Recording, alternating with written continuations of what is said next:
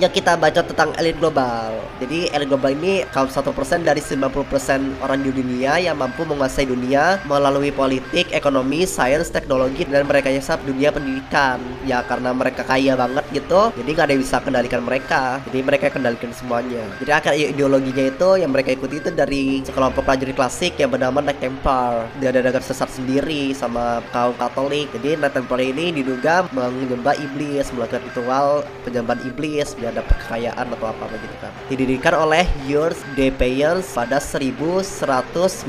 Setelah eksis lebih dari dua abad, tarikat ini akhirnya dibubarkan pada tahun 1312. Itu kan pun dibubarkan sama sama Paus. Kayak menyimpang lah dari ajarannya. Bahkan buat ritual yang apa homoseksual atau apa gitu. Setelah dibubarkan itu, anggota-anggota Knight Templar ini melarikan diri dan tersebar di seluruh Eropa. Sebelumnya anggota tarikat ini banyak yang melarikan diri di Skotlandia dan membantu memerdekakan seluruh rakyat Skotlandia yang sedang dijajah oleh Inggris. Bubaran Templar menjadi pemicu munculnya kelompok organisasi rahasia atau secret society. Ya awalnya itulah membentuk Freemason. Ya gini ya setelah Templar dibubarkan itu tahun 1900 itu ya dia bergerak sebagai pemahat batu, bangunan, sitek. Bahasa lain itu Mason. Udah tau lah dari unsur-unsur Freemason itu kan. Ya Freemason ini organisasi persaudaraan yang usulnya kira-kira muncul di abad ke-16 hingga awal abad ke-17. Yang muncul pun juga dari Skotlandia itu tempat pelariannya Knight Templar ini adalah master tertingginya gitu. Gak cuma di Skotlandia sih, tapi di London pun juga ada hallnya. Dan juga itulah membentuk yang cabangnya lagi. Itulah udah orang tahu Illuminati berdiri pas 1 Mei 1776 di Jerman. Terus 1 Mei itu kan tanggal-tanggal yang agak lumayan May Day itu kan. Apa kayak hari buruh kan juga May Day. Di sinilah elit global lahir dan berkembang melalui keluarga dan pertolan dari dinasti Rothschild dan Rockefeller. Ya ini Rothschild ini tuh sebuah dinasti bankir Yahudi Jerman di Eropa dan mendirikan berbagai bank dan institusi keuangan Eropa pada akhir abad ke-18. Anggota pertama itu diketahui dengan nama Rothschild adalah Isaac L. Shannon Rothschild yang lahir pada tahun 1577. Nama ini berarti perisai merah, Red Shield. Di tahun 1744 lahirlah si Mayer Michel Rothschild di Frankfurt am Main, Jerman. Jadi si Mayer ini mengembangkan sebuah lembaga keuangan dan memperluas dengan memasukkan masing-masing dari lima putranya ke lima pusat keuangan utama Eropa untuk mendirikan bisnis. Jadi lima anaknya itu disebarkanlah di masing-masing negara Eropa gitu. Nah ya lima putranya ini menciptakan bank-bank itu, Bank London, bank-bank sentralnya lah, bank sentral negara-negara ini Jerman, Austria, Inggris, Napoli, Prancis ini bank sentralnya itu kan yang buat anak-anak Rothschild ini. Jadi apa ya si bankir-bankir ini pas pasti apalagi pemilik bank sentral itu kan bisa menguasai keuangan negara gitu kan. Itu juga para-para penguasa di situ, raja atau apa itu kan sering utang sama Rothschild ini, apalagi pakai bunga gitu. Jadi mereka bisa dikendalikan lah. Itu juga pas sebelum perang Napoleon 1803 sampai 1815 sebelumnya si keluarga Rothschild ini udah banyak keuntungan dari perdagangan emas batangan apalagi pas lagi perang itu mereka memberikan pinjaman ke Napoleon ini bahkan ke musuh-musuhnya juga. Kan di Prancis kan ada sentralnya sendiri juga di Inggris atau Prusia juga punya cabangnya. Jadi itulah peperangan ini emang jadi bahan bisnis mereka gitu. Satu negara dipinjamkan uang satu negara lagi juga dipinjamkan uang untuk biaya militernya itu. Jadi siapa pun yang menang pasti si Rothschild ini yang untung. Ya konspirasinya sih Rothschild ini anggota Freemason anggota itulah ideologi si Freemason ini atau dari awalnya Templatok balas dendam lah.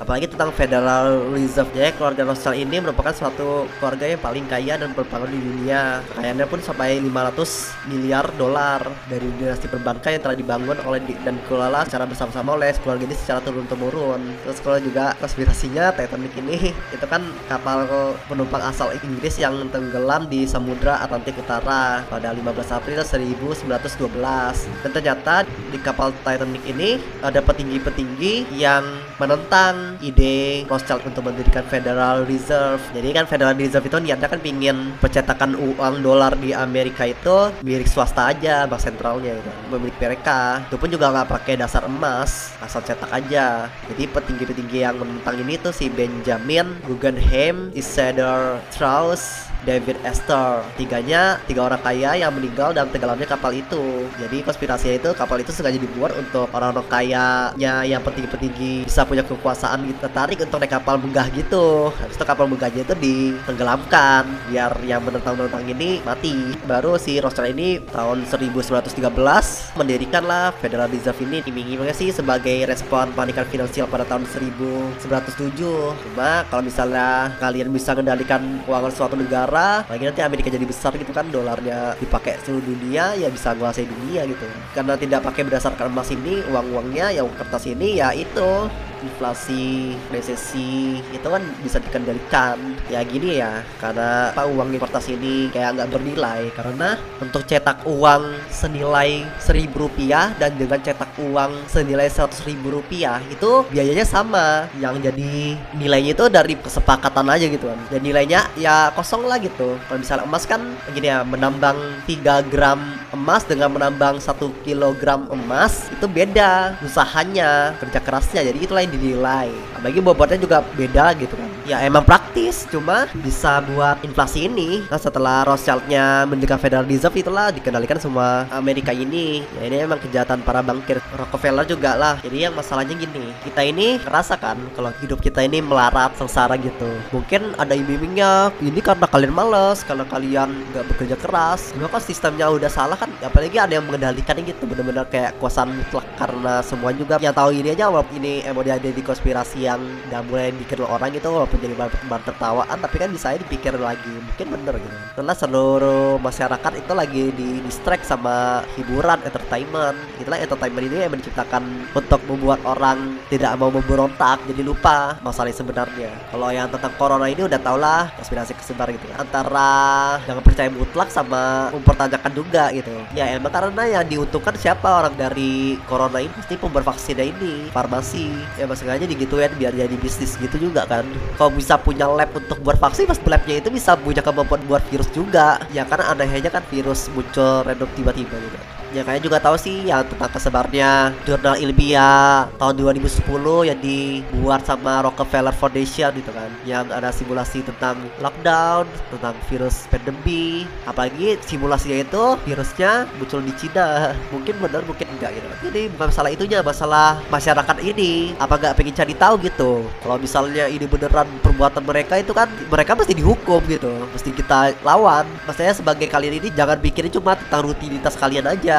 kayak melarat kerja keras coba dapat upah segitu coba ini kayak mungkin karena kekayaan kita ini ditahan gitu sama mereka. Ini di Batam Corona ini makin kesel gitu. Dikena PHK ada banyak bisnis yang bangkrut semua kesusahan gitu. Itu tentang apa sih ya ya logikanya bukan tentang ah konspirasi doang nggak penting. Coba mikirin tentang cari tahunya gitu. Bener-bener cari data cari riset untuk membuktikan kalau bener kan bisa kita hukum. Apalagi kalau misal semua yang konspirasi selama ini beneran gitu. Terus tentang penderitaan seluruh umat manusia cuma disebabkan kesalahan mereka aja mereka biayai perang biayai pemberontakan biaya revolusi. Kalau misalnya mereka benar-benar yang mengendalikan uang gitu misalnya kita kan banyak negara yang berutang kan? Utang Amerika itu sampai 782.600 triliun rupiah. Itu ngutang ke mana? Ke Federal Reserve World Bank inilah gitu. Banyak negara-negara berutang itu.